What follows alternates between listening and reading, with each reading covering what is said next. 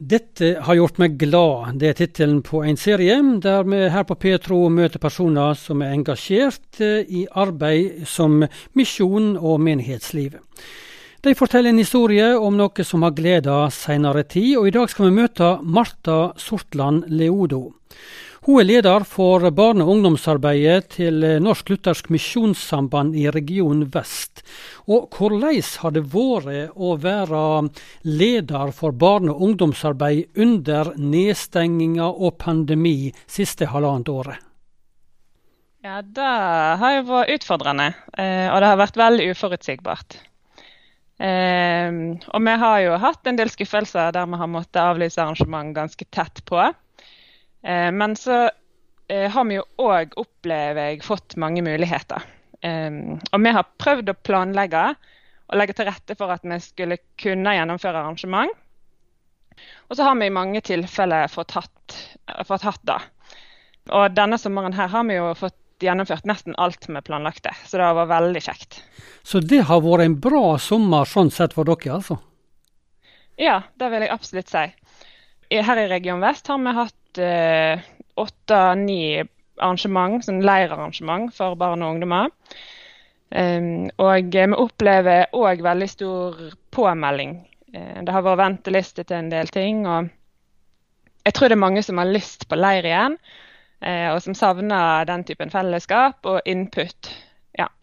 ja merker du det at uh, dette er pågang? Her er interesser for å komme seg på en leir? Ja. vi merker større interesse enn det har vært en stund. Får du tilbakemelding fra ungdommer på at dette her er kjekt underveis, eller? Ja, vi gjør det. Etter den ene UL-campen som vi hadde, Ungdommens landsmøte, er jo vanligvis et stort arrangement med mange tusen folk som eh, pleier å, å samles. Og de to siste årene måtte, har vi måttet hatt lokale camper der vi har fulgt et felles program. Men det har jo vært litt spennende sant? om vi klarer å skape den opplevelsen som de får når de reiser på Ungdommens landsmøte. Um, og etter UL i år så fikk jeg melding fra en, en, ungdom som skrev at det var en sjukt bra leir. Uh, og det er jo så kjekt å få sånne tilbakemeldinger. Du, Så for første gang har du òg hatt noe annet som har gleda deg denne sommeren.